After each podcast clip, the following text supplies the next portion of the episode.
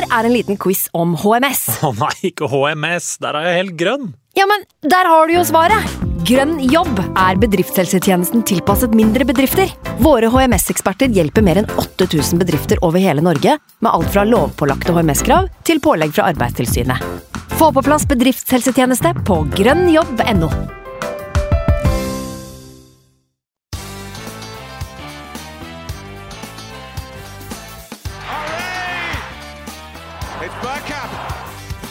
up for grabs now! The next station is Arsenal. Velkommen skal du være til en splitter ny episode med Arsenal Station med Magnus Johansen og meg, Simen Goffeng. Etter å ha brukt opp eh, Jesus-comebacket mot Westham, var Arsenal til slutt eh, sjanseløse da Liverpool viste at det fortsatt er langt opp også til lagene bak eh, Manchester City. Påskefreden er så til de grader forstyrret av Arteta out-brølene på Twitter. Og vi, Magnus, vi skal gjøre et forsøk på å snakke litt fornuft rundt det som vel må sies å kanskje har vært den mest skuffende opptreden denne sesongen så langt. Det er en god del eh, eh, alternativer i den eh, kategorien der når det gjelder eh, skuffende prestasjoner. Men eh, i alle fall etter, et, etter nyttår så, så må jo det her stå igjen som en, en klar ener i, i, i den konkurransen. Så Ja.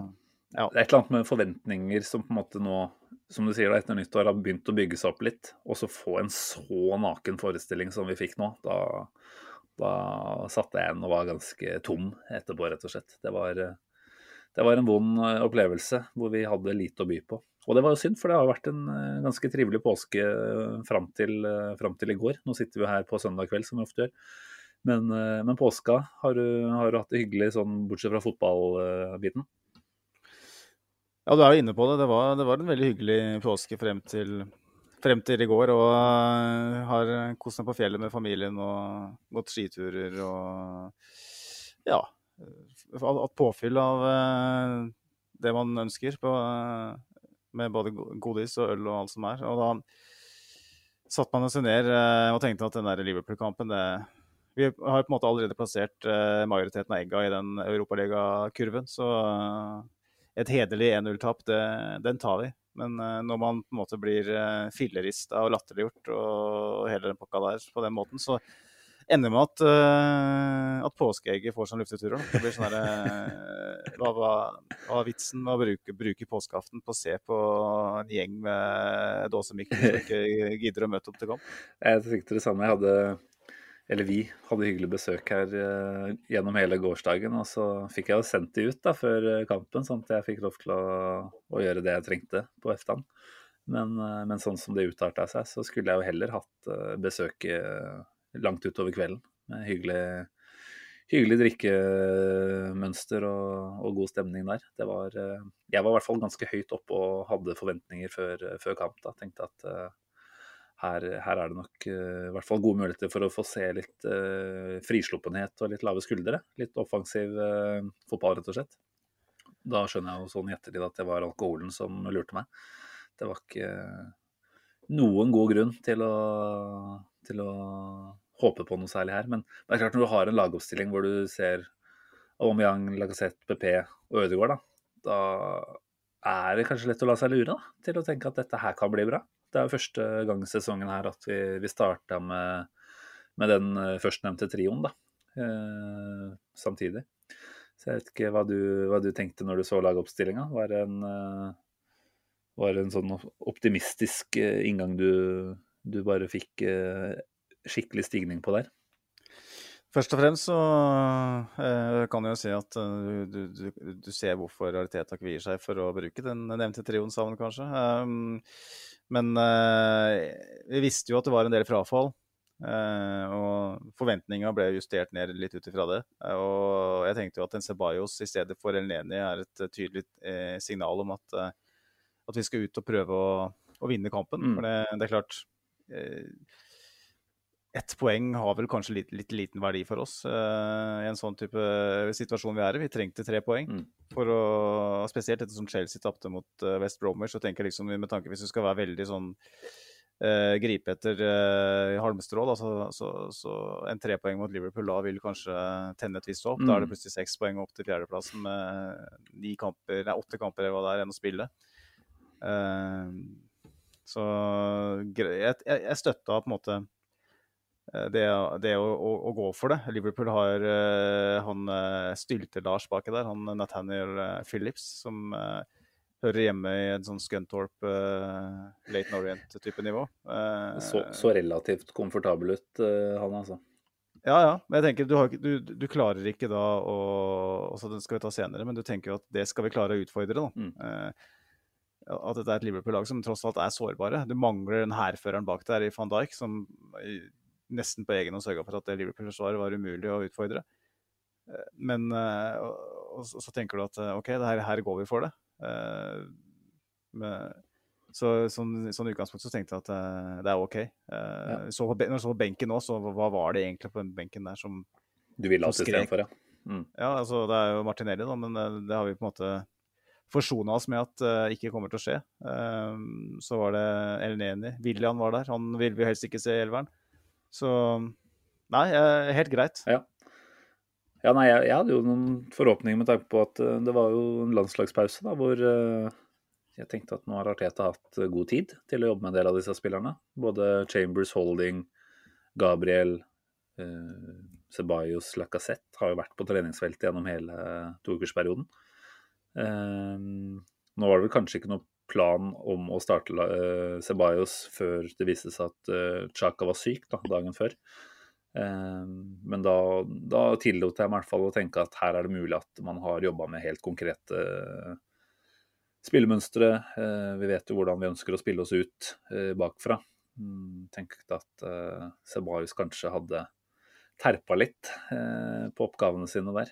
Men det så det jo ikke ut til. Eh, Det var, eh, og det, er- er fascinerende, er det ikke det? En spansk maestro som Ceballos, da, som egentlig har teknikk fra en annen verden. Som ser ut som en skikkelig usikker eh, guttelagspiller med en gang han får ballen i beina. Og Det er klart, det har litt å gjøre med at Liverpool er ekstremt gode i presset og gir han lite tid, men fy søren, altså. Det, det var veldig trist å se Ceballos utpå der. Han virka rett og slett helt, helt ute av det. Men nå foregriper vi kanskje begivenhetene litt, litt mye da. Men eh, nei, jeg syns det var eh, Det var eh, fra start av egentlig litt vanskelig å se hva, hva planen var. Jeg syns Mm. vi, vi drev liksom med litt sånn verken fugl eller fisk-løsning, da. Vi lå ikke helt tilbake og, og gikk eh, kong hu på, på kontra, og vi var ikke spesielt gode i presset. Det var vel Ødegaard som var den som på en måte aktivt pressa mest, da. Og så, så hang ikke det presset vårt sammen på noen måte. Så det ble plutselig mye rom, da. Og, og vårt eget eh, oppspill fra, ja, fra forsvaret utover, det, det fantes jo ikke. Det var eh, Jeg vet ikke om jeg engang klarer å huske tilbake på at vi hadde en eneste god sekvens med ball i lag. Altså at vi klarte å brodere oss eh, bakfra og helt fram. Eh, det ble slått veldig mye langt. Eh, og når det ble slått langt, så var vel stort sett Lacassette ikke å finne der den ballen landa, for han lå jo ganske dypt eh, nesten gjennom kampen. Mm. Så mm, nei, man fikk jo kanskje et inntrykk, eh, som du sier, da, av at Arteta hadde en plan om at dette her skal vi gå ut og virkelig prøve å ta. Men det, det var vi ganske langt unna å få til. Jeg vet ikke om det er spillerne våre som er for dårlige, eller Artetas eh, plan som var igjen for vanskelig for spillerne å utøve. Eh, Jeg har ikke svaret på det, men jeg vet du at du har, du har tenkt litt på hva du, hva du så. Ja, eh, jeg sitter jo òg veldig mye i samme båt som deg. Jeg har ikke noe svar på, på det, men eh, det, det blir eh, Etter en veldig positiv periode etter jul, så, så forventa man ikke det, det vi så i den kampen der. Vi forventa et, eh, et lag som gikk ut for å, å kjempe om tre poeng. eh, og, og i aller høyeste grad være med på notene. Det er vel nesten ikke skjedd etter nyttår at vi ikke har vært konkurransedyktige i en, i en fotballkamp. Nei. Um, Manchester City var vel unntaket på hjemme, uh, men det er jo det beste laget i kanskje Europa akkurat nå. Uh, Liverpool har på ingen måte vært det. Og um, Nei, det var bare en, uh, en slags uh, tam og fantasiløs gjeng som uh, virka ville helst ville være et annet sted enn på Emirates Stadium i, i går. Uh, og du kan jo takke høyere makter for at de, eller uh, blekksprutforhandler i Wuhan for at det ikke var fans på, på tribuna. For det Altså hadde, hadde vært ett skudd på mål i løpet av 90 minutter på Emirates Stadium Mm. eh, hjemme. eh, med Aubameyang, med Lacassette, eh, med PP. Det finnes ikke noen unnskyldninger, unnskyldninger for det. Og du lurer jo på hva er det som du sier, hva er det som foregår på treningsfeltet i, i, i forkant. Når det her er den påfølgende kampen etter den Westham-matchen, hvor eh, de heller ikke møter opp til, til match. eh, og bruker en halvtime på å få på seg sokker og shorts og trøye, og da ligger, er det 0-3. Mm. Uh, i, dag, I går så var vi uh, litt heldigere uh, i starten. Klarte å unngå de største blemmene og gikk jo til pause med 0-0. Men Ariteta var veldig tydelig på det etter Westham-kampen, at det her, det her kan vi ikke akseptere. Det her er ikke greit å møte opp til, til match på den måten. Og så skjer det faen meg igjen kampen etter. Og da lurer jeg på eh, Er den derre non-negotiables eh, Piat, Ikke Piatte, jeg er litt fan av det, egentlig, men den derre sna, snakket til Ariteta, er det i ferd med å avta litt, Mm. eller hva er det som skjer? da? Jeg forstår det ikke helt. Altså, selv om vi kom unna med 0-0 til pause mot eh, Liverpool nå, så, så var jo det mer flaks og tilfeldigheter. Eh, Milner skulle ha skåra, i hvert fall. eh, og kanskje en gang til hvor det var ganske farlig. Så, så det at uh, vi ikke gjør uh, tydeligere grep allerede i pausa, syns jeg er skuffende. Og jeg må jo si at uh, uansett hvor mye jeg måte, har til overs for Arteta, så syns jeg om det der in game managementet hans kanskje har vist seg å være, ha en del begrensninger så langt. da. Og det ble igjen veldig reaksjonært, det vi holder på med nå eh, mot Liverpool. Vi venter til vi, vi havner bakpå. Eh, altså det, det ene byttet som blir gjort, det er jo da Elneni inn for Ceballos eh, før vi får første baklengs. Eh, men du kan jo vel Mm. vanskelig argumentere for at det på en måte er et bytte som gir oss en ny fasong og en ny taktikk å, å gjøre det på. Det var jo altså, Elneni som kanskje er litt tydeligere i presset, selvfølgelig, da, men, eh, men som ikke bidrar til noen store forandringer i måten vi spiller fotball på.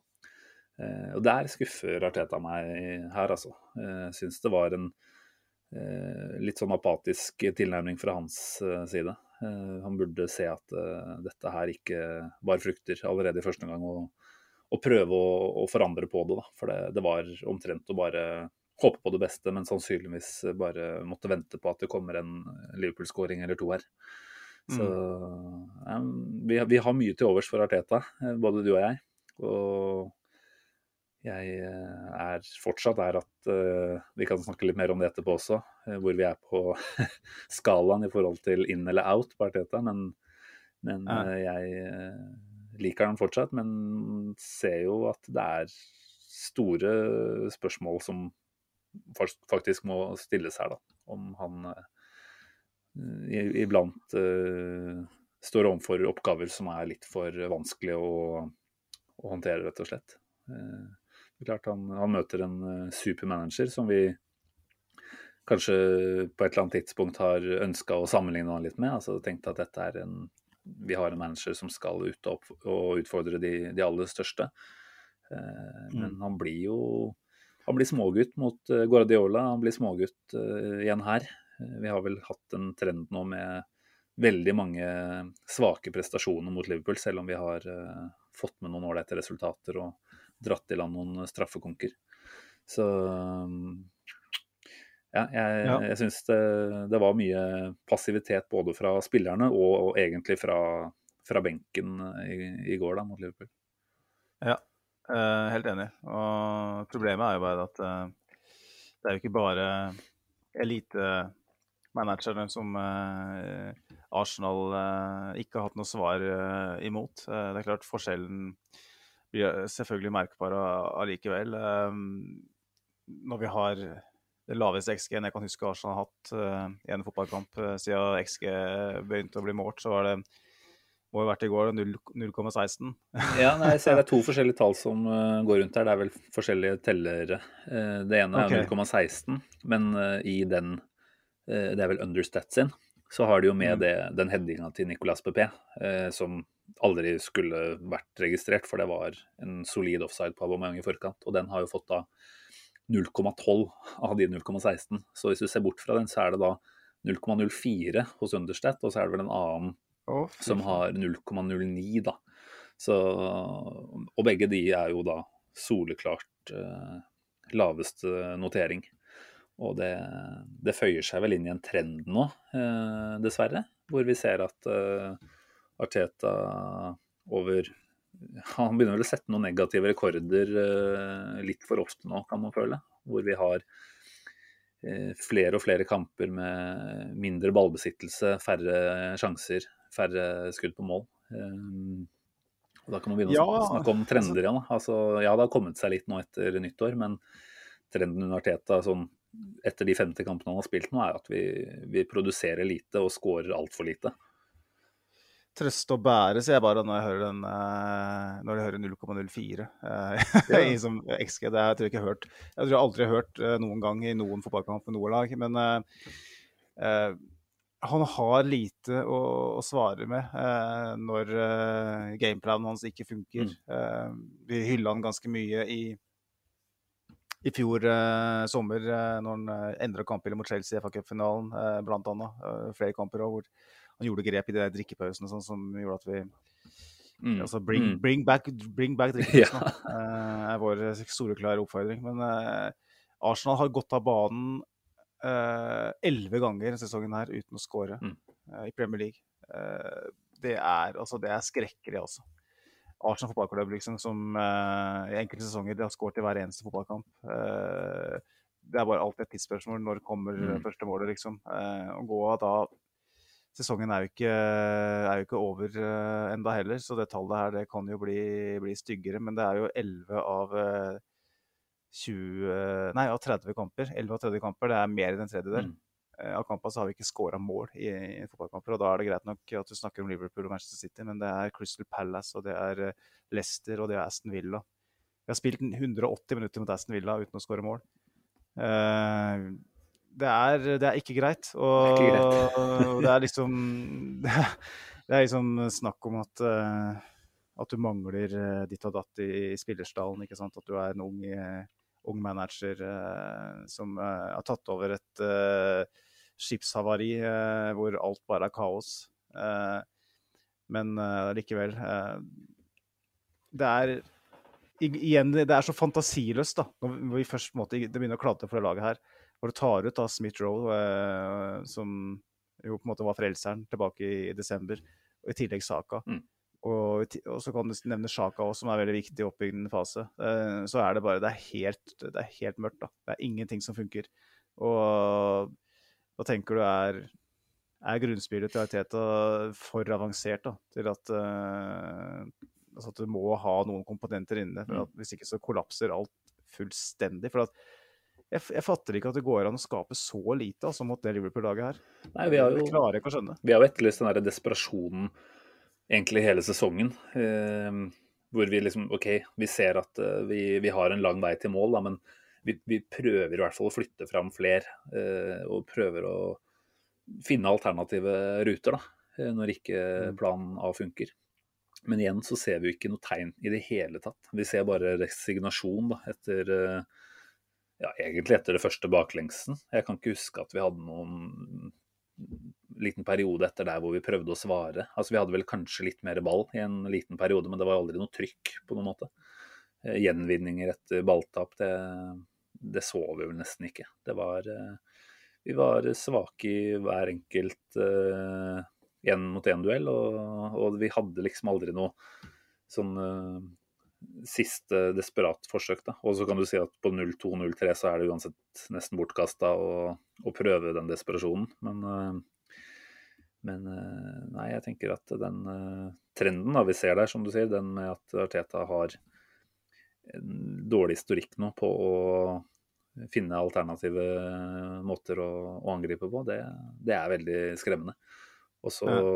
kan man selvfølgelig si at det er spillerne utpå der som også må se litt på, på egne prestasjoner. Eh, Aubameyang har vi jo Vi er vel på nødt til å ta for oss han. Du- Vi har jo stilt spørsmål ut til lytterne, og det er lett å skal vi si, angripe kapteinen, toppskåreren, den som på en måte skal være den offensive ledestjernen. da. Og han er jo han er usynlig, og det er jo alle offensive spillere omtrent på dette laget her i en kamp som i går. Mm. Eh, vi skal bruke litt tid på Aubameyang med en gang. jeg. Vi har jo Ja. fått inn en del eh, synspunkter. Eh, de fleste er av ganske negativ eh, karakter. Jeg tenker jo han eh, godeste Famaro Sonko sier det veldig enkelt og greit. Eh, stiller du opp i kamp med en kaptein med det håret, så fortjener du juling. Det var Abbas feil alene. Og så er det vel en eh, annen kamerat her, Andreas Mathiassen, eh, som skriver at eh, Abba er like elendig som frisyren. Eh, tenker jeg også hadde jo mine tanker om denne Travis Scott-kopien av en eh, hårsveis. Eh, men jeg føler at det blir litt sånn gammel engelsk avdanka X-spiller som sitter i Sky Sports studio og kritiserer han for håret. Da. Det, er ikke, det er ikke det som blir eh, fokuset mitt. Eh, jeg tenker at han får, han får velge de lokkene han, han eh, vil, men, eh, men det er vel alle andre gode grunner til å være litt uh, misfornøyd nå. og Det er klart med at han er kaptein og ikke uh, i hvert fall utad virker å ta den jobben helt uh, Jeg sier ikke han ikke tar den på alvor, men han, han, håndterer i hvert fall ikke det ansvaret i noen særlig grad. Der er det vel flere som er enig. Andreas fra Arctic Gunnerpod skriver at kapteinen i hermetegn må vrakes. Hadde PP spilt sånn, hadde han ikke fått spille mer. Uh, mens uh, Håkon Førrisdal er uh, enkel og grei tydelig på at han bør vrakes. Bidrar ingenting. Og Mm. Vegard Tønder Pettersen skriver at det er irriterende å se hvor lavt du blir liggende, og hvor lite Abba gjør for å vise at han er kaptein med stor K. så det er, det er ganske gjengs oppfatning, da. At dette her Det er selvfølgelig ikke Abbas ansvar alene, men det er et ekstra ansvar som hviler på hans skuldre, da. Jeg vet ikke hva du, hva du tenker om det. Blir det ikke litt for enkelt da, uh, å tenke sånn? Altså, Aubameyang, uh, hvis du ser det første uh, Jeg husker ikke helt sånn eksakt tidspunkt, men iallfall i første fase av matchen så er jo han nede og avverger et par farligheter mm. for Liverpool, faktisk. Ja. Han er nede i egen boks og takler, og Liverpool, blant Mohammed Salah bl.a. Hvor det er snakk om at Premier Leagues kanskje vasseste målskårer er i ferd med å få til en avslutning med, med godfoten. Uh, han hadde, jeg syns han hadde en veldig lovende start på kampen i går når det gjelder det å, å, møte opp til kamp og, og vise at han vil. Mm. Men uh, offensivt så han har jo absolutt ingenting å jobbe med. Det, det, det, hva, hva, skal han gjøre, da? Han er, alle vet hva Aubameyang er. Mm. Han blir dømt på kroppsspråket sitt av, av, fansen nå. Det er det han blir. Han blir dømt på kroppsspråket sitt. Mm. Uh, hadde han skåra mål, så er jo alt tilgitt, men han kom jo ikke til målsjanser uh, ute til venstre der. Han hadde jo en periode når han spilte sentralt nå hvor det funka litt for han. Fikk, uh, han brant en del sjanser, ja, men tallene viser at han hadde mer målsjanser enn han hadde det året han vant Golden Boot. og som en jeg leste på Twitter her, jeg husker ikke hvem som skrev det, men så jeg er veldig enig egentlig at um, Aubameyang var bra ute til venstre når vi spilte med tre mm. bak. Mm hadde to wingbacker. For da kunne han konstant bare roame inn eh, fra venstresida si. Mens nå blir han liggende ute på kanten der. Det passer han jo ikke i det hele tatt. Og han kommer jo til en veldig god innleggsposisjon der, hvor han drar av en mann og, og har eh, et helt eh, hav av rom å slå i. Så ser du Lacassette kommer luntende. Det er klassisk Lacassette. Alle er jo opptatt av å, å rose Lacassette. Han hadde en fantastisk kamp mot Westham. Det skal jeg ikke ta ifra han. Han har vært god egentlig etter nyttår. Men Lacassette er jo ikke spiss. Han spiller jo ikke som en spiss. Når Aubameyang da slår det innlegget, så han er jo ikke der. PP er ikke der. Han står på baker og gjemmer seg. så får den, Det er jo den offside-situasjonen. Offside så, så hadde det ikke blitt noe uansett. da.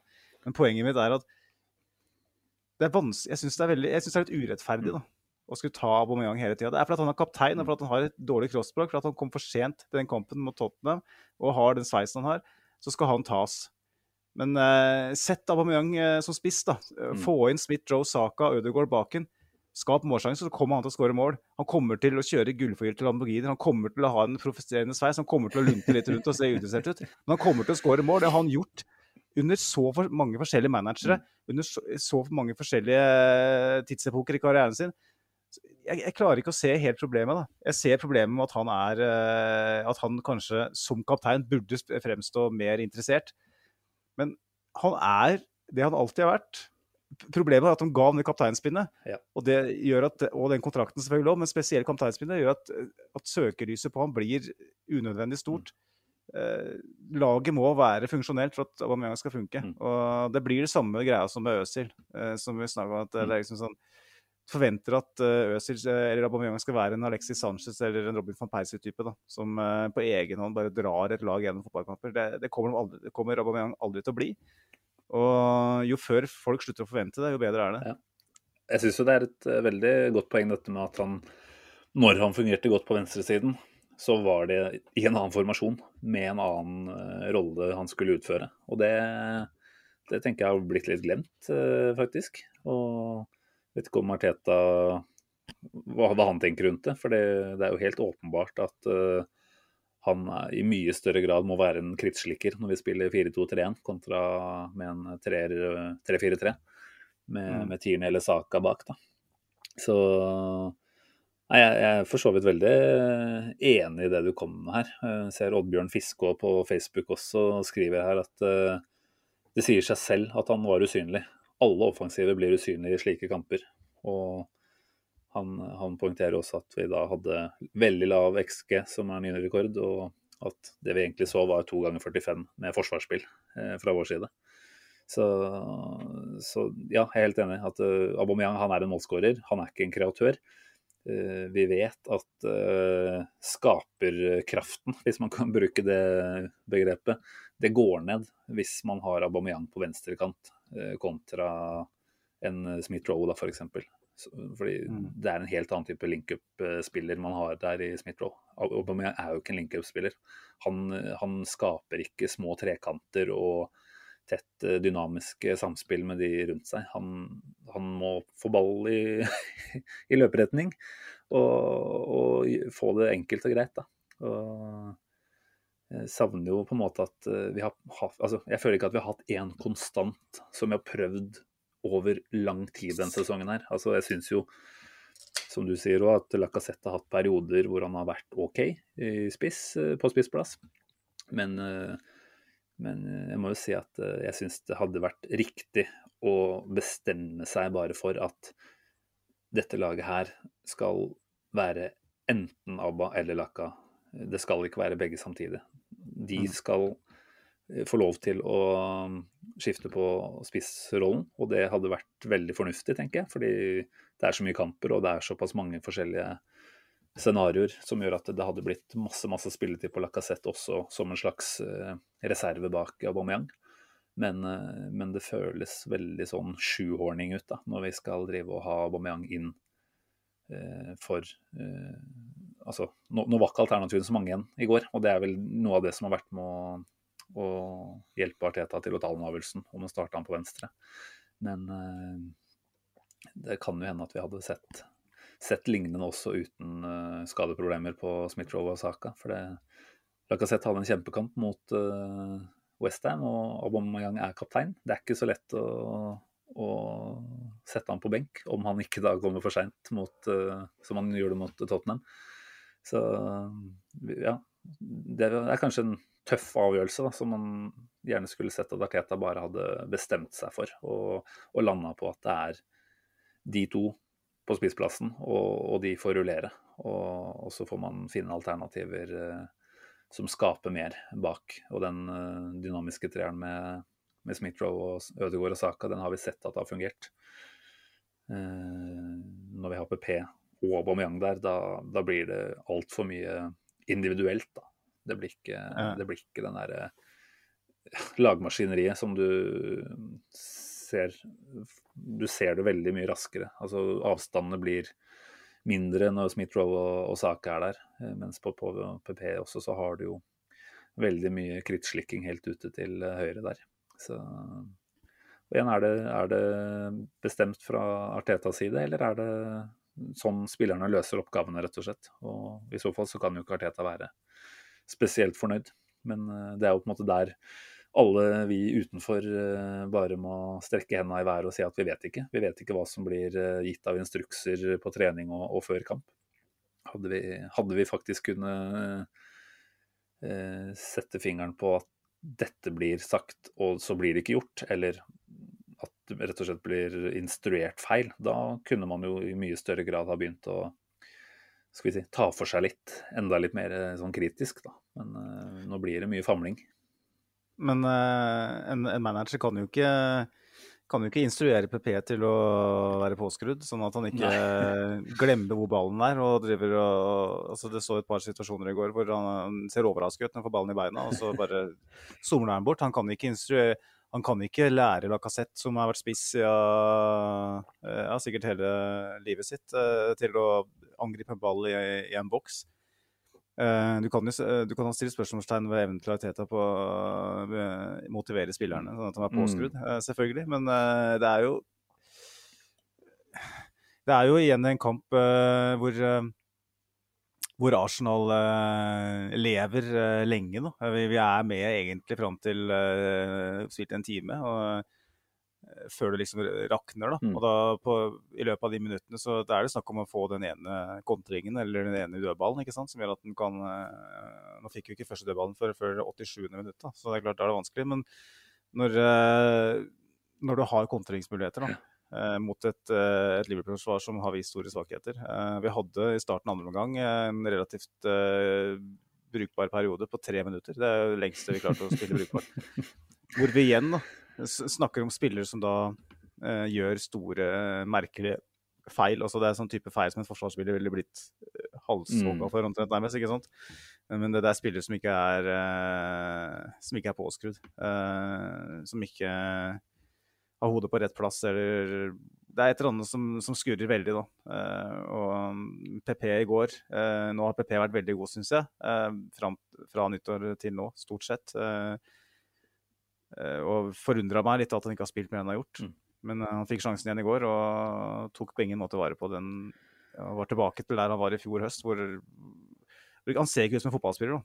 Uh, han, han, har null ballkontroll, og fysisk sett så han blir jo skubba bort av uh, Skyburt. Han har jo null sjanse i noen fysiske dueller. Han Helt ubrukelig, rett og slett. 72 millioner, 72 millioner pund. Piss ja, det... Nei, kyss meg i ræva, liksom. Altså. Så, nå har jeg tatt noen øl her, eh, det er påske osv., så, videre, så jeg håper jeg ikke blir for drøy her. Men eh, det er så utrolig svakt. Altså, hvis noen skal tas eh, av de tre offensivt, så er det jo ikke Aubameyang, for å si det sånn. Det er i går. Og det er liksom sånn Ja, en Arteta har uh, tatt ut elveren, han har satt opp taktikken, men det, er, det, er, noe med sånne, sånne type enkle feil da, som du lurer på hvordan i alle dager er det mulig? Du vet, Det er jo, det er jo som en keeper som står arbeidsledig da, i 70-80 minutter. Så kommer den sjansen, så kommer det skuddet imot. Da må det være påskrudd. Mm. Samme gjelder for en angrepsspiller. Når du blir pressa og pressa og du blir rundspilt. Når sjansen kommer, så må du ha evnen til å være påskrudd. Den evnen har ikke PP. Jeg tror vi kan si med all, eh, ut ifra hva vi har sett fra han, han, han har ikke den evnen. Når Arsenal dominerer og sånn, så ja, da ser du hva han kan stå for. men mm når, når, han blir stående, når han blir løpende hjem og skal forsvare seg og plutselig får en sjanse, da er det veldig sjelden at han eh, leverer noe mm. som helst. Og kanskje er det det vi ser med eh, en Aubameyang òg, som er vant til, vant til, å spille i lag som dominerer. Eh, eh, og det er klart, Vi skal jo heller ikke være et fotballag som har angrepsspillere som står arbeidsledig så lenge heller, men nå er det engang slik da, at den Arsenal-utgaven her i ganske mange matcher i løpet av en sesong er underlegne. Eh, og i de kampene så ser du òg på de tallene vi snakka om eh, tidligere, at vi har gått av banen elleve ganger i år i Premier League uten å skåre. Det er, det, er ikke, det er ikke en gjeng med spillere som tar vare på enhver mulighet, som griper sjansen når den byr seg. Det er en gjeng med spillere som uh, ikke leverer mm. gang på gang på gang mm. på gang. Uh, og ja, det er klart. Etter nyttår har det ikke bare vært sånn, men det er det vi kan ikke være bekjent av, uh, av tabellposisjonen og resultatet i det hele tatt. Og det må jo Det må, det må spillere òg ta sin, sin, del av ansvaret for, selv om vi sikkert nå utover i poden skal snakke mer om Arteta. Jeg tenker jo at uh, med den, uh, det ekstreme forspranget opp til de lagene foran oss som vi har å ta igjen, så skulle vi jo virkelig sett på alle kampene fra nyttår og utover som cupfinaler, og hatt en inngang til kampen som det. Og det skjønner jeg på en måte at det er kanskje litt uh, usaklig å forvente, da. Men, men å komme til kamp med så ræva innstilling som det vi gjorde mot Liverpool, da. Jeg klarer liksom ikke å fatte at det er uh, noe de kan være bekjent av. Altså, de må jo skamme seg grenseløst. Det er i hvert fall det du håper, men du frykter jo at de nesten gir faen. Uh, jeg, jeg virkelig så skuffa. Og, og, jeg syns jo det du sier litt tidligere, men hva er det det handler om? Handler det om at Arteta ikke klarer å nå gjennom på en sånn mentalitetsplan? Da klarer de rett og slett ikke å uh, la seg motivere? uh, i en altså, toppkamp, vel å merke, burde i hvert fall være. Men en storkamp mot, uh, mot Liverpool, det, det, skulle nesten komme gratis motivasjon der. Men vi ser uh, heller bare at det, det, er et lag som nesten er der ute for å fortelle Liverpool at dere er jo egentlig mye bedre enn den tabellposisjonen dere ligger på. Så, så, her kommer vi, og vi skal gi dere masse selvtillit. Litt sånn i, i ja, Arsenal-ånd, da sørge for at andre lag kommer eh, skikkelig på hektene igjen etter litt vanskelige perioder. Mm. Men eh, ja, det er mange ting vi kan snakke om her. Eh, jeg, som jeg sier tidligere, at jeg syns jo at Arteta framstår litt apatisk. Og syns jo han rett og slett ikke evner å endre på, på noe som åpenbart ikke fungerer. Altså, jeg sier jo ikke at han nødvendigvis hadde klart å finne formelen om han hadde endra heller, men jeg bare fatter ikke at han lar det gå så lang tid som han gjør, før han uh, gjør noen bytter. Og, og, selv ikke med byttene så blir det noen merkbar forandring. Jeg ville jo tenkt at sånn som Lacassette var helt ineffektiv i den kampen her, så ville det vært mer naturlig å tatt ut han og ikke Aubameyang, og så heller uh, ja, kjørt Aubameyang på topp eller Martinelli opp på topp. da. Eh, starte det i hvert fall fra Martinellis side kunne man virkelig ha starta det presset skikkelig fra, fra offensiven. Men eh, mm. det, det, gjorde vi ikke. Men eh, jeg må stille spørsmålet, fordi vi kan på en måte ikke komme unna at uh, Arteta out trender på Twitter etter kamp, og at det er flere og flere som blir veldig veldig skeptiske til det vi, det vi, ser. Jeg tror ikke han kommer til å få sparken på noe som helst tidspunkt nå i løpet av denne sesongen, uansett hva som skjer de neste rundene. Men, men vi må nesten bare høre litt hvor vi står i forhold til til han på denne skalaen? da? Hvor, hvor er det du befinner deg der nå? Det blir jo veldig reaksjonært å skulle endre oppfatning etter én match, da. Men uh, det her er kanskje den kampen i løpet av hans uh, regjeringstid som har fått meg uh, til å endre standpunkt Ikke standpunkt direkte, men det som har fått meg til å tvile mest. Mm. Da. fordi at jeg hele tida har vært klar på at han må få tid. og det har vært formildende omstendigheter hele veien med pandemi og spillere som ikke har Hva skal jeg si som vært i klubben som ikke har vært interessert. Som nå ikke er interessert i, i Schalke heller. i Mustafi som ikke engang er i troppen der. Uh, så det er en veldig veldig vanskelig oppgave å skulle ta fatt på for enhver manager, men enda mer for en, en, rookie som Mariteta. Mm. men nå var liksom ting på gang. Eh, vi har spilt bra over lengre periode, perioder og vi hadde en hjerneblødning mot uh, eh, Westham hvor vi hadde en halvtime hvor vi spillere ikke møtte opp til kamp, hvor Ariteta er svart i øya der etter, etter kamp og sier at det her, ja, vi spilte bra en time etterpå, men det, den halvtimen den, den, kan vi ikke være bekjent av. Sånn, vi kan ikke møte opp til kamp på den måten, og så går det nøyaktig to uker, og så skjer det samme igjen. Bare at da møter ikke opp i 90, samfulle 90 minutter. Da var det ikke bare 30, liksom. Nettopp. Så da lurer du liksom på hva er det som skjer her? da? Her Begynner den non-negotiables-greia uh, å avta? Uh, er det, begynner budskapet å bli litt mer tynt? Uh, Ariteta snakka jo mye om Han kom inn i klubben om at uh, det var en ukultur. Mm. Uh, han satt på City-benken uh, når City fillerista oss når vi hadde Jungberg som trener noen uker før han tok over. Uh, og du så det, så det, på han at han satt uh, nærmest uh, lamslått tilbake og tenkte hva, mm. hva, slags Arsenal er det her? Så fotballklubb er det her? og det sa han òg, at det, her, her, her, er det noen sånne helt elementære ting som må endres. Mm. Det er en kultur som må endres, du må helt ned på det nivået der for å kunne få snudd skuta. Og så nå har han vært her i 50 kamper. 50 Premier League-kamper. Ja. Og ting har på en måte Trenden har vært positiv eh, på mange måter, iallfall prestasjonsmessig i mine øyne. Og så ser du på en måte et mageplask, da, eh, som jeg syns vi har sett uh, tendenser til nå. Mm. Jeg har sett i Europaligaen mot både Benfica og Olympiakos at vi spillere ikke er påskrudd, gjør store feil. Du, sett, du så det mot Westham og du ser det mot Liverpool. da. Jeg tenker at det her, Den trenden her må arresteres da, Mm. nå. Veldig fort. Vi kan, ikke, vi kan ikke gå på en lengre periode som i fjor høst, for den Arsenal kan ikke ha mange sånne perioder. Det går jo bare ikke, så jeg er veldig, veldig spent. Jeg føler liksom, som vi var inne på innledningsvis, at det er veldig vanskelig å svare på noe som helst akkurat nå. Uh, vi må bare se litt an hvordan de responderer på det her. Uh, for nå er spørsmålstegna større. Eh, Det er mitt, mitt svar. Jeg er fortsatt Arteta inn. Men uh, jeg tviler mer nå enn jeg gjorde for eh, 24 timer siden. Det høres litt sånn useriøst ut, men, Nei, men ja. Det er jo sånn fotballen er. Altså, det er hele veien et eh, behov for å komme med prestasjoner. Og når man ikke gjør det, så er det også alle mulige grunner til å stille spørsmål. Det tenker jeg ligger i sportens natur. Eh, Og i hvert fall når man eh, tenker at man har sett eh, at man kanskje har runda et hjørne, da, så er man så til de grader tilbake igjen til eh, til start, sånn som vi, det føltes som vi var mot Liverpool. Det var liksom det var ingenting som tyda på at Arsenal hadde noe eget eh, spill. Da. Og vi var bare statister til alt som skjedde der. Så nei, min uh, status er vel at jeg, jeg er fortsatt villig til å gi Arteta tid. Og jeg tenker at en viktig del av en sånn type managerprat er jo også å være realistisk på hvem er det man kan få tak i. Og ikke minst, hvem er det som skal ansette de? Eh, altså, vi vet at det er eh, Kronky og eiere der som ikke eh, er veldig på, og vi vet at du er ekstremt fersk.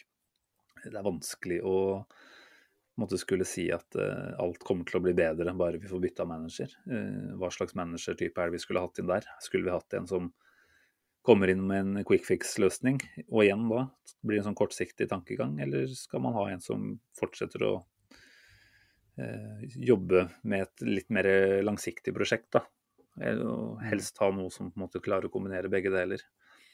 Eh, jeg innrømmer glatt at jeg er veldig usikker på Arteta, og at den usikkerheten den vokser jo selvfølgelig etter en sånn her type prestasjon. Resultatet kan man på en måte leve med, selv om 0-3 er stygt. Men det er jo prestasjonen som er Det er så tynt, da. Det er, eh, det er negative rekorder som settes eh, nesten litt sånn uke etter uke, føler man nå. Og det, Eh, det er en trend som Ja, vi så den negative trenden før jul. Den klarte vi ikke å komme oss ut fra et, før etter ni-ti kamper, var det vel kanskje. Og en sånn type periode igjen, det, det tenker jeg på sett og vis nesten kan bety kroken på døra. For da, da når ikke Arteta inn til disse spillerne. Og da er dessverre det meste så enkelt som at da, da er det både billigere og enklere å kvitte seg med treneren enn en 20 spillere, da. Ja. Men eh, nei, altså, jeg håper at han kommer seg skal vi si, levende gjennom den sesongen her. Eh, selvfølgelig får vi en europalegetriumf og, og sånn, så har han også arbeidsforhold som er mye bedre. Det er mye større grobunn for optimisme i forhold til hva man kan gjøre på overgangsmarked, og, og hvordan man kan bygge lag for framtiden. Eh, Men jeg jo tenker at også uten en Europaliga-seier, og i verste fall uten Europacup til neste år, så, så ønsker jeg å se eh, hvordan Arteta kan eh, ta denne si, prosessen eller prosjektet. Jeg vet at ikke du liker det begrepet så godt, men hvordan man på en måte kan ta, ta dette her videre og framover. Eh, for jeg tror ikke vi på en måte enda har fått eh, se hva som bor i Artetas managerskills. da. Men han, han gjør feil, han også, og han må, han må skjerpe seg litt. Det, det kan vi være enige om. Han trenger, jo, han trenger jo sine allierte på, på banen. Han har vært veldig tydelig på hvem han uh, tyr til. Um, og i går så mangla vi jo Mm. vi de lederne på banen. Uh, og da er det jo på en måte igjen det der med hvem uh, Hva slags typer har du i en, en spillerstall? Da? Mm. Og jeg føler jo at uh, Vi har snakka mye om Granit Sjaka i denne podkasten her, på godt og vondt. Uh, og alt imellom. Mm. Uh, og um, jeg føler jo at fraværet av han i går var veldig, veldig tydelig. Da. Altså en, Jeg vet ikke i, i, hvor stor grad han ville vært den som hadde tatt den jobben, men jeg så en, en Gabriel i midtforsvaret der som begynte å få litt trøbbel. Hvem var det som uh, var hjalp han, da? Hvem var det som tok tak og tok en hånd rundt skuldra på han, eller uh, whatever? Uh, kanskje trakk seg litt dypere fra midtbaneposisjon for å dekke over, eller et eller annet noen måtte hjelpe da, for han var så jævlig trøbbel. Mohammed Salah var i ferd med å lage et nytt høl, høl, både her og der for han. Og han altså, På slutten av kampen så tenkte jeg nå må bare ta han av. Spill med ti mann, for nå, nå, nå, nå, får han ikke til noe som helst her. Det er synd på fyren. Mm. Uh, han trenger hjelp. Uh, han er ung, han er ung spiller, så den første sesong i Premier League. Jeg klandrer han ikke, men uh, det er noe med det å beskytte en, en spiller da, som tross alt har et så stort potensial. og det blir bare veldig opprivende for alle å sitte og se på. At en, at en så lovende god midtstopper blir gjenstand for en sånn type rævkjøring mm. som han ble. Og I tillegg så kan du si at selvfølgelig David Louis uh, i stedet for Holding da, ved siden av kanskje kunne ha bidratt med noe, uten at jeg nødvendigvis er noen stor fan av David Louis. Og tenker at uh, kontra en Holding som sa nok, nok med seg sjøl i går. ja. så mangler, du mangler ledere over hele banen. Da. Vi har vært inne på den der kapteinsgreia og sånn, vi skal ikke ta den igjen. Men det, det er Jeg føler liksom at Martin Ødegaard har kommet inn i Arsenal og vist leder, eh, lederevner. Uh, måten han spiller på. Jeg syns han viser det igjen i går, egentlig. Bare at det er helt umulig arbeidsforhold for han mm. å skulle jobbe i. Mm.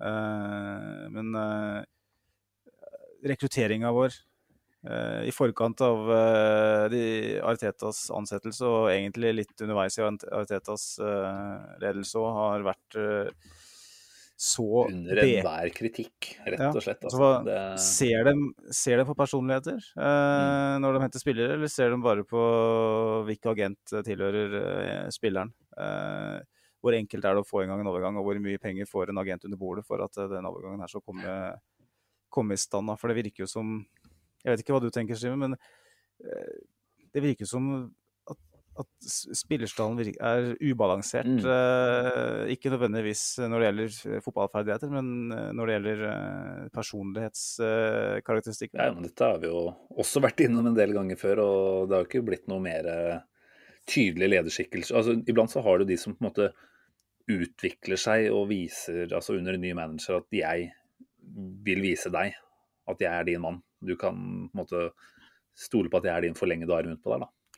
Mm. Uh, altså det er klart Rob Holding har jo ikke fått så mye spilletid siste. så også, altså Etter at han signerte kontrakt, så har han vel nesten ikke spilt. Og Sånn sett så er det kanskje vanskelig å, å, si at man skal forvente så mye fra han. Men, men, jeg må jo si at han var veldig veldig skuffende nå mot Liverpool. Uh, svikter jo på markering på første goalen. Det er vel i stor grad hans feil, tenker jeg. Og han er ikke en type som virker å liksom kunne ivareta en Gabriel som sliter, da, som du er inne på. Der, der, hadde jeg kanskje håpa og trodd at det gikk an å få en viss, ja, viss personlighetsutvikling, da. Eh, etter at man blir gitt en kontrakt, man får signaler om at uh, du er en fyr vi ønsker å ha med, også ha med videre, da. Så er det jo selvfølgelig sånn at de kanskje vil ha med videre som en backup. Og at det er det han mm. føler seg som også. Men, uh, men det er jo ikke noe tvil om at det er veldig, veldig langt mellom de der store personlighetene Eh, det er, eh, altså, det er Sjaka. Og Louise syns jeg på en måte blir Det blir litt sånn kunstig, fordi han, han er altså så uh, ræv i en del kamper at det blir på en måte ikke troverdig da, når han skal ha en sånn lederrolle, føler jeg. Mm. Uh, og så er det Tierney som vi har vært innom. Og så er det mange snille gutter, bortsett fra det. Det var vel noe landslaget vårt fikk en del kritikk for nå sist pause at det er uh, altfor mye snillhet ute og går. Det er ikke, det er ikke noen uh, drapsmenn utpå her, da. Og, skal vi si, vi, vi, er jo ikke forkjempere for drap, men, uh, men litt mer faenskap og svarthet i øya på disse her. det hadde jeg virkelig vært glad, glad, for å se, altså. Så det er ja, kanskje det største savnet i den troppen her per i dag. Det er personlighetene. Og ja, igjen, altså, uh, nevnte Sebaios i stad. Teknikk og sikkert også spillforståelse på et veldig høyt nivå, men allikevel en sånn usikkerhet, da, i, som også blir forsterka av at han har vært en veldig perifer eh, fyr nå etter, eh, ettersom sesongen har utvikla seg. Så mm. nei, det er eh, synd at ikke verken de er uh, litt tøffere i utgangspunktet, og at ikke noen har på en måte prøvd å steppe opp, da. Og, og bli en litt bedre utgave av seg sjæl, for å sitere Kompani Lauritzen. Ceballos har jo veldig mye ved seg. Teknisk, altså nærteknikken hans, uh, touchet hans, uh, blikket hans og spillet og alt det der er jo på et meget meget høyt nivå. Han har spilt mye for det spanske, spanske landslaget tross ung alder, og det, det, jo, det, sier jo litt om potensialet der. Men, og det virker som han har en, en indre drivkraft, også Ceballos. men han det virker som han kanaliserer det på helt feil måte. da. Eh, det blir liksom eh, I stedet for å eh, ha, som Arsen Wenger en gang så intelligent sa, være emotionally invisible, altså følelsesmessig usynlig eh, på banen. Eh, men fortsatt eh, og, fysisk veldig synlig, og jobbe som mm. en geirslave så er uh, Ceballos veldig synlig emosjonelt sett. Han klager på dommeren, og han uh, skjærer grimaser og jubler som om han skulle ha vunnet VM hver gang han skårer et mm. mål og alt det greiene der. Men allikevel så ser du at, at, han ikke har personligheten til å spille på midtbanen for Arsenal. Jeg tenker som, som midtbanespiller så har jo Arteta sikkert veldig mye å bidra med når det gjelder tips til, til Ceballos. men hva, hva hva tenker du, Simen? Hva, hva er det som egentlig har skjedd med Ceballos altså, i løpet av den tida i Arsenal? For han har jo variert noe helt grenseløst. Ja, jeg syns jo det, er, det, har jo ikke vært så veldig mye bra, så sånn sett vil jeg ikke si at det har variert. Altså, han starta ålreit, og vi fikk jo opp hypen etter de to tidlige assistene, men jeg syns jo ikke han har vært bra. Jeg syns jo han har bare vært stort sett eh, ganske middelmådig. Og så har han hatt noen skikkelig shockers av noen opptredener hvor ingenting funker. Og jeg tror han er en sånn klassisk selvtillitsspiller, da. Eh, og han opplever vel å ha fått veldig lite tillit. Og når han har fått det, så har Premier League vist seg kanskje å gå litt for fort for han. Eh, jeg tenker at han eh, Altså, hadde han fått spesialbehandlinga til William da, med å bli gitt stadig nye sjanser, blitt satt på mot slutten av kamper når, når, man eide ball og hadde full kontroll og liksom gitt noen gode opplevelser. Det er godt mulig at vi hadde fått sett mer fra nå. Men uh, han har liksom ikke hatt det der mentale overskuddet, har jeg hatt en følelse av. At han har bare virka litt for uh, seint ute i det meste han har foretatt seg. Egentlig det siste, og egentlig hele sesongen nesten i Arsenal, vi er i nå. Altså, jeg syns det er vanskelig å, å, finne en god Ceballos-opptreden hele denne sesongen her. Um, så igjen, det er en lånespiller, og vi skal på en måte sånn sett ikke ta ansvaret for hans utvikling. Men, eh, men, vi har jo et ønske om at alle som er i Arsenal-drakt, eh, presterer eh, opp mot sitt toppnivå. Vi, vi, kan på en måte si at Ceballos ikke har vist seg å være en så bra spiller som vi hadde ønsket, men jeg tror han ikke har fått noen ordentlig god måte å, å vise seg fram på heller, da. Han er jo altså en spiller som uh, Som jeg òg eh, har mista troa på fullstendig. Det, det, handler jo ikke bare om personlighet, det heller. Det handler om en spillestil som ikke passer inn i Premier League. Du, du var jo inne på det. Det med antall Det med å ha så jævla god tid hele tida. I Premier League ting går, går fort. Og som Andreas Mathiassen skrev til oss på på Twitter så Sebajos bruker sju touch for mye hver gang. Og jeg syns det det er akkurat det er så godt oppsummert. Mm. Eh, det er satt på spissen, selvfølgelig, men det er liksom minimum tre-fire touch hver gang. Og et par ganger i går hvor vi hadde muligheten til å til å komme oss litt framover i banen, så ender han opp med å, å vandre ballen. Mm. Uh, og noen ganger mister han, noen ganger spiller han i støtte. Uh, hvor du tenker, med en Granit Sjaka, da. eh, så må Andreas Mathiassen skriver at, det vis, at kampen her viser igjen at Sjaka er viktig, selv om ikke alle har lyst til å innrømme det. Så Det er helt, er i, det liksom- helt i tråd det med det Thomas Leirdal også skriver. Eh, han også nevner savnet av Sjaka, og at Sebajos ikke er god nok og tar altfor mange touch og feilpasninger. Så én ting er å bruke mange touch og klare å sende ballen videre fra A til B, men det er jo fascinerende ofte hvor eh, Ceballos eh, ikke treffer mannen. Bare slår den helt uforståelig utover sidelinja eller eh, i motstanders bein. Men der kommer vel dette med, med tidsbruken, at han er vant til å ha litt bedre tid. Og sånn sett rekker han ikke å konsentrere seg godt nok. Da. Så, Han har brukt to år, da, snart, eller snart to sesonger, Mm. på å ikke klare å tilvenne seg tempo. Så er det, jo, er det jo greit å bare se for seg at ja. det prosjektet er, er over. Alle er Og enig mm, heller rette fokus mot, mot det som er en Arsenal-spiller, og det er jo en Granit Xhaka. Og vi har uh, Thomas Partey, selvfølgelig, som vi alle har eh, store forhåpninger til uh, på sikt. Så Problemet er bare det som er bak der. At um, på en skade på enten Partey eller Sjaka, så, så må du inn ved enten Ceballos eller Elneni, da, som ingen av dem har noe særlig å by på. Nei. Eh, som ikke er gode nok til å være tredjevalg for, uh, for et Arsenal. De er uh, kanskje gode nok for å være femtevalg. Mm. Jeg er helt enig. Og- Det er, det er jo en veldig grei sammenligning å ta med, uten at jeg skal liste opp alle spillerne til de andre storlagene, så, så er det jo en bredde på de sentrale midtbanespillerne der som er en del bedre enn den vi kan vise til, i hvert fall.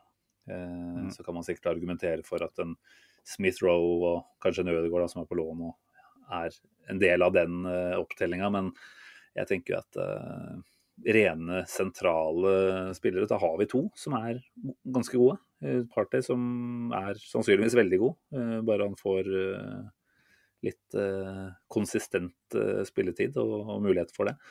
Så jeg tenker at der har vi en, virkelig en viktig jobb å gjøre nå til sommer. Joe Willoch som er på lån, er vel ikke en vi tenker at skal ned og, og ta en sånn pivot, dobbel pivot-rolle der med, med en av de to. Han er vel en som kanskje eventuelt skal være en backup litt lenger fram på banen. Skårte jo mot eh, Tottenham i dag og nekta dem et par poeng, så det syns vi er morsomt å, å ta med. Men, eh, men eh, han, han er vel heller ikke svaret på den sentrale midtbane ja, opptellinga vår, da. Absolutt ikke. Absolutt ikke. Så som du sier, her er det en, en solid, solid jobb som gjøres. Og jeg føler jo at um, Granit Xhaka fortjener eh, all mulig heder og ære for den prestasjonen han har hatt etter jul og sånn, men uh, jeg føler jo allikevel at uh, at det handler vel så mye om mangel på alternativer. Mm. At Arsenal har én sentral midtbanespiller i stallen per nå som er god nok til å være, gi oss en reell sjanse til eh, å være et uh, topp tre, topp fire-lag, og det er Thomas Partey. Og Granit Sjaka er en, en, en god spiller, men ikke en, en spiller vi skal eh, bygge framtida vår eh, rundt. Det, det sier bare litt om hvor ekstremt mye Ariteta har å gjøre. eh, og kanskje er det en av de formildende omstendighetene vi må legge til grunn da, Mm. når, vi, når vi tross alt snakker litt om framtida. Altså. Jeg tenker vi burde jo egentlig sette av en hel episode til å snakke litt mer rundt hva vi bør gjøre og hva vi kan komme til å gjøre eh, når det blir sommer. Men eh, nå er det jo enn så lenge en del uavklart. da. Eh, Så fram til vi vet om det blir Europa, om det blir Champions League eller Europa League på, på et eller annet vis, så, så kan man kanskje avvente den debatten der lite grann. Vi ser jo kanskje tegn f.eks. at en Beyerin er eh, ikke på vei ut nødvendigvis, men eh, nå har han jo blitt benka to-tre kamper på rappen. Mm. Ikke at Chambers hadde noen kjempekamp eh, nå, men, eh, men vi er vel ganske enige om at Beyerin ikke har hatt noen supersesong. Og kanskje hadde vært eh, Det hadde vært bra for både han og klubben å se se seg om etter nye utfordringer. Eh, Men vi kan ta og spare den der til en, eh, en episode litt senere. Ta en ordentlig gjennomgang da. Vi har Ja. prata en del om både kamp og om det litt større bildet. Jeg tenkte kanskje vi skal prøve å se litt fram mot eh, torsdagens kamp mot Slavia Praha. Nå er det vel så enkelt som at vi kan si at det er Europaliga eller bust for, for vår del denne sesongen. her. Det er ikke noe å hente vel i Premier League. Eh, hva tenker du? Nei, Champions League uh, igjen Nei, har fått dritt i. du. Eh, når det gjelder topp seks, så, så ser det jo unektelig vanskelig ut. Mm. Uh, det er vel en seks-sju poeng som må hentes. Uh, kampprogrammet vårt er fordelaktig, så skulle vi mot formodning vise en stabilitet, så kan det jo hende. Men jeg tenker at Arteta og, og den, den øvrige sportslige ledelsen nå må jo bare legge alle egga i den ene kurven. Fordi at vi har en, en rute mot en finale der Mm. som er veldig overkommelig for en, en klubb som har tross alt har såpass med ressurser og såpass med gode spillere. Vi, vi skal slå Slavia Praha. Jeg vet at det, at det fort kan gå til helvete, sånn vi kjenner Arsenal. Men vi skal jo, vi skal jo egentlig slå dem. Ja. Vi skal jo egentlig forbi Slavia Praha. Vi skal, Eh, men da... de har slått eh, Leicester eh, over to kamper. Og jeg så vel i hvert fall den ene av de, og det var et bra lag, det de stilte med der, altså. Altså et, et godt lag, og de er vel omtrent ubeseira i tsjekkisk liga også denne sesongen her. Så at det blir en tøff oppgave, det er jeg ikke i tvil om. Og jeg mistenker dessverre også at en del av de Arsenal-spillerne kanskje ikke har gjort hjemmeleksa si og tenker at Slavia Praha er et lite drittlag. Og kommer med litt for eh, dårlig innstilling også til den kampen. Eh, så jeg, jeg frykter jo virkelig at de ryker eh, allerede mot Slavia, faktisk. Det kan, det kan fort hende, Simen. Jeg ville ikke satt penger på et av- Arsenal-avansement der. Ikke så mye som et rødt øre, men det er noe med at hadde vi vært i, si vært i Champions League, da, en, fått, fått en trekning der og, og trukket et type lag som Slava Praha, så hadde vi tenkt at Arsenal, eh, selv den Arsenal-utgaven her, eh, hadde vært griseheldig med trekninga. Ja, ja. Eh, nå er det Europaligaen, ikke sant, og nivået er litt lavere. Slavia Praha, ja, de har slått ut Leicester, men det er et Leicester som på det tidspunktet hadde store skadeproblemer, og som ikke har vist den all verdens i Europa etter den derre eh, supersesongen de hadde. Og du har da et Rangers som uh, spiller skotsk eliteserie, som de har slått ut. Uh, som jeg ikke legger for mye i akkurat det. Um, det her skal det, Vi skal være bedre enn Slavia Praha. Så hvis, hvis Arsenal klarer å rote til det, så er det en skandale. Ja. Og da er det i så fall Villarreal eller uh, Zagreb, Tottenhams overmenn, i, i en semifinale. Igjen. det er Det skal være fullt mulig å gå videre fra en, den type semifinale. Og i en finale, der kan alt skje. Eh, og derfor så er, er det bare å, å be hønene verpe grenseløst og legge masse, masse egg i den kurven. ass. Fylle opp den til randen. fordi at det er en mulighet, altså. Og eh, Arsenal har vist seg som et cuplag. Definitivt. Vi, eh, vi er et cuplag.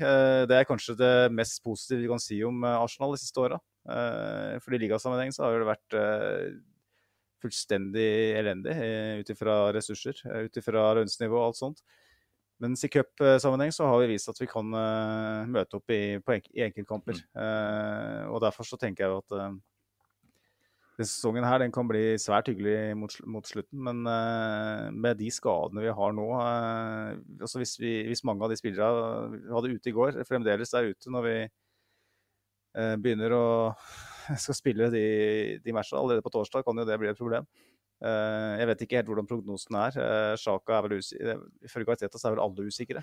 Eh, Ja, så- det, det ryktes vel å være ganske små greier. Altså, Saka var det vel tenkt at man skulle se an nå i forhold, forhold til Liverpool-kampen, eh, sammen med Smith-Rowe og, og Sjakas sykdom. Så jeg vil jo tro at så fremt ikke det er noe som sitter i, så er det muligheter for å ha de tilbake nå allerede på torsdag. Kanskje, kanskje ikke før mot uh, Sheffield United til helga, men uh, jeg vil tro at det ikke er langvarige saker. David Louise er ute nå noen uker etter å ha operert. Uh, om det er rett og slett det siste vi har sett av David Louise i Arsenal-trøya, det vet vi jo ikke. Men, men da er det bare å krysse fingra for at Rob Holding tar på seg det mentale kapteinspinnet og begynner å bli litt sånn engelsk stoppekjempe bak der, sånn som vi kunne drømme om. Så Nei, men det er ikke noe tvil om at eh, uten eh, Saka og Smith-Roe så ser vi at vi er veldig sårbare. Eh, vi blir Vi har vel blitt litt sånn boring, boring Arsenal igjen, føler jeg, denne sesongen her. Og, og uten de to så, så er vi det definitivt. Eh, det er vel eh, sånn at vi har Jeg vet ikke helt hvordan eh, produksjonen vår har sett ut med og uten eh, de to, jeg, men eh, den er vel eh, betraktelig mye høyere eh, med, med begge to på banen. Sånn at Ja, ja. Vi, vi rett og slett er avhengig av å få de på plass igjen ganske umiddelbart da, for å ha, ha best mulig sjanser her. Det er ikke tvil om det. Og det, det er jo igjen på den bredden som vi snakka om tidligere. Eh, Den, den gjelder jo flere steder. Vi har jo vært uh, veldig forkjempere uh, i hele, hele fanskaren til Arsenal de siste åra om at vi må kvitte oss med daukjøttet. Vi må kvitte oss med daukjøttet. Vi satt jo med sjampisen klar når både Walcott og Giroud og sånn forlot Arsenal og tenkte at yes, endelig. Uh, og så ser jeg tilbake på det nå med litt sånn ja eh, Mm. Det var kanskje ikke så jævla mye å feire. Det var, det var ikke de beste spillere i verden, men uh, den produserte De to spillere hadde over 100 mål for Arsenal, Mm. begge to. Og noen ganger så er det greit å stikke fingeren i jorda og akseptere litt, litt hvor du er. Da. Og nå, nå sitter vi på en måte igjen med spillere i mange posisjoner som eh, ikke er i nærheten av å kunne ta opp hansken etter eh, de som er foran. Eh, og da da frykter jeg jo, da, En mangel på en Smith-Roe og en Saka. Eh, mot enhver type motstander kan gjøre at vi, at vi ryker. Og nå, Mm. nå er vi helt avhengig av eh, at vi er best eh, i Ja, det er jo da to ganger 180 minutter, da, pluss en, eh, en ganger 90, eh, som kan redde, redde stumpene og vel så det. Som kan Mm. sørge for at vi sitter med både bløtkake, sjampis og knallbombonger når vi skriver eh, juni eh, i Gdansk. Vi kan drømme. Men Vi er nødt til å drømme, for det, er ikke så mye annet som holder oss i live. Apropos folk vi mangler, altså vi nevnte vel kanskje ikke Kieran Tierney. Han måtte jo ha med skade, og det ser ut som han har fått seg en vridning av noe slag i kneet. Bare krysse fingra for at ikke det er noe, noe bånd som har, eh, har røket. Da hadde vi vel hørt om det, kanskje. Men uh, så fremt ikke du har fått med deg noen nyheter på den, så, så er vel den litt oppe og litt uavklart fortsatt, da. Og Den er uavklart. der er jo at, uh, definitivt et, et eksempel på en som vi er ekstremt avhengig av, nå som vi ikke engang har en god backup eh, på venstrebekken. da. Vi trenger jo en ny venstrebekk. eh, Spørsmålet er jo da Den diskusjonen skal vi ta i den podkasten som vi allerede har lansert for noen minutter siden, den om sommertransferaktiviteten. Men vi trenger jo kanskje et nytt førstevalg på venstrebekken. For at Kieran Tierney han er jo ute eh, Mm. nesten hele tida. Så det, det funker jo ikke. Han kan jo komme med Tesco-poser og opprettede ermer og shorts i snøværet og alt det der, men det hjelper ikke en drit så lenge han ikke er skadefri. Ikke sant? Nei, sånn. Nei, jeg vet ikke hvor vi går herfra. Det er vel bare å krysse fingre for at uh, vi møter opp, i hvert fall, på torsdag. Og at uh, spillerne ser at her er det kort vei fram til et jævla viktig trofé. Altså et trofé, ikke minst. Det er jo mye å spille for der, og så er det en potensielt uh, Det er jo en sånn historie, historisk viktig tid for, for laget nå. Altså, går vi nok en sesong uten Champions League, så er vel det femte på rad, vel? Eh, vi har vel på en måte kommet fram til at vi er en europaligaklubb her nå, uansett. Men eh, vi, vi risikerer jo virkelig å ha en lang periode nå ute av Champions League, da. Så får håpe at den gjengen som er her, ser at eh, det er det er på tide å, å virkelig blø for prosjektet her. Da. Håper at Arteta klarer å spille på, på riktige motivasjonsknapper. Ja, det, med det så er det vel eh, kanskje på tide å nærme seg slutten, Simen. Jeg vet ikke. Jeg har jo dessverre ikke eh, forberedt en X-spiller den gangen her. Jeg pleier jo Det alltid å sitte med en X-spillerspalte eh, på slutten av hver episode, men nå har jeg vært på påskefjellet hele uka. eh, uten PC, uten nett, eh, noe som helst. Så har jeg veldig primitiv hytte. Så da har jeg ikke hatt tid til å skrive noen eh, X-spiller eh, denne gangen. Eh, Jeg, jeg, Jeg jeg, hadde jo virkelig eh, trengt en, eh, en skikkelig sånn god X-spillerspalte i dag, hvor man kunne kost seg med en, en flott eh, legende, enten i sportslig eller eh, eh, humoristisk forstand. Så, så det syns jeg var synd, men eh, da veit jeg at du kommer bedre og sterkere tilbake neste uke med det. kan jo kanskje eh, i X-spillerånden da kanskje rette søkelyset tilbake til eh, en påske hvor, eh, hvor vi hadde det veldig hyggelig mot Liverpool. Jeg satt på en, eh, en pub i, i Trysil. Eh, jeg var på afterski og sånn med gutta. Eh, gutta mine, som det heter. Eh, eh, og um, det var vel 2015, mener jeg. Og nå vil vi slå Liverpool 4-1 på, på Emirates. Og Øzil skårer på frispark. Eh, Coquelin var inne i sin eh, virkelig store periode i, i Arsenal-drakta. Så jeg husker som eneste mann på den puben i, i, i Trysil skrek 'hulete, hulete kaka'. Noen hører innabords, da. Men, uh, så det, vi skulle kanskje hatt Coquelin. Men, uh, ja, det kunne vært fint, det. Vi møter han jo da i semifinalen i verste fall, da, mot uh, Villarreal. Får vi se hva vi gikk glipp av. Jeg var faktisk på den kampen uh, på Emirates ah. med, med, broderen. Det var Han fyller, burs, fyller år 4. april, altså dagens dato. Så vi, vi feira på flott vis for seks år tilbake, og så ble det en litt sånn nedtona kjip feiring sånn sett, da, med fotballforstand uh, dette året. Men, uh, men den 4-1-seieren der, det var, uh, det var, en morsom kamp. En virkelig morsom kamp hvor Arsenal skinte offensivt. og du, liksom, Vi hadde så mange strenger å spille på, da. Så det er jo noen kontraster og noen kanskje liksom trist utvikling man ser, da. fra å da være et offensivt arsenal til nå ha blitt et ganske jeg, sa det vel her i stad, boring, boring Arsenal. Det er vel ikke sånn at man mm. skal ta opp akkurat det begrepet der for fort, men, men, det har vært ganske kjedelig å se på Arsenal mange kamper denne sesongen her. Og det, når alt kommer til alt, så er det jo det det handler om. At man sitter og, og virkelig lever seg inn i det man, uh, man, er en del av der i to ganger 45. Da.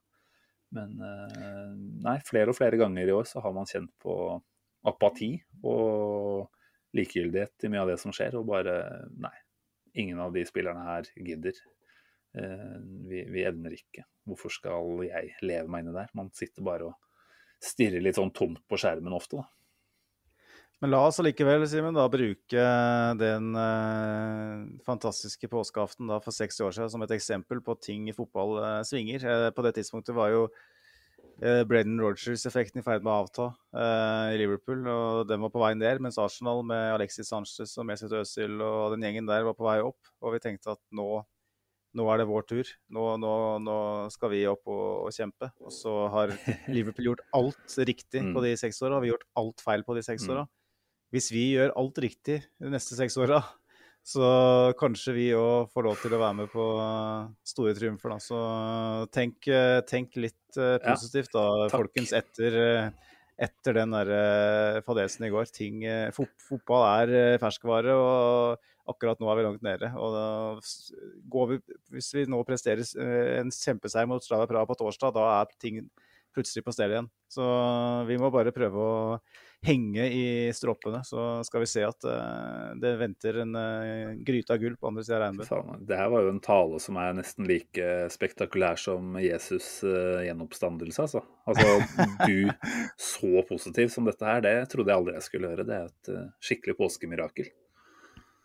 Men, men, jeg liker det, og jeg skal ikke utfordre deg på noe av det, selv om jeg umiddelbart mens du dro opp den rekka her, tenkte at hva hvis vi hadde bytta ut treneren vår med Klopp eh, i 2015, hvor hadde vi vært da?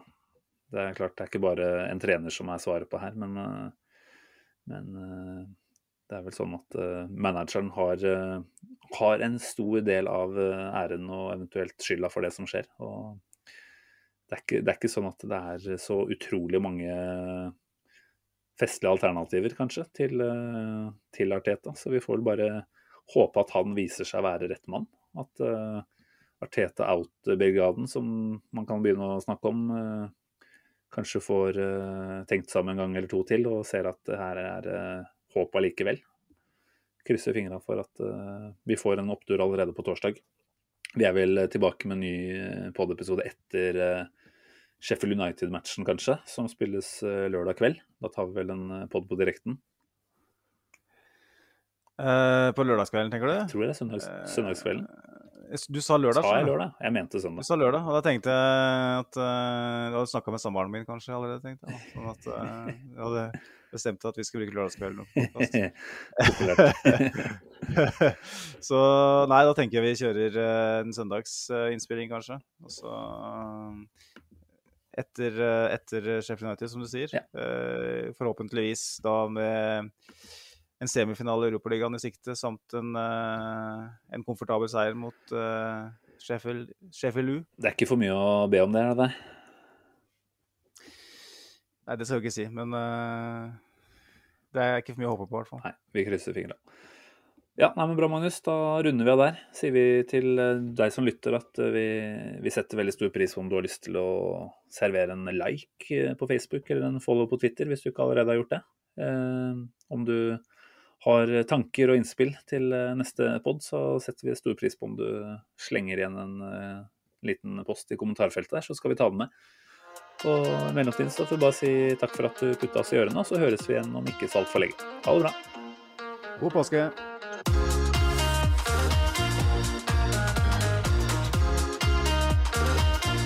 This train terminates here.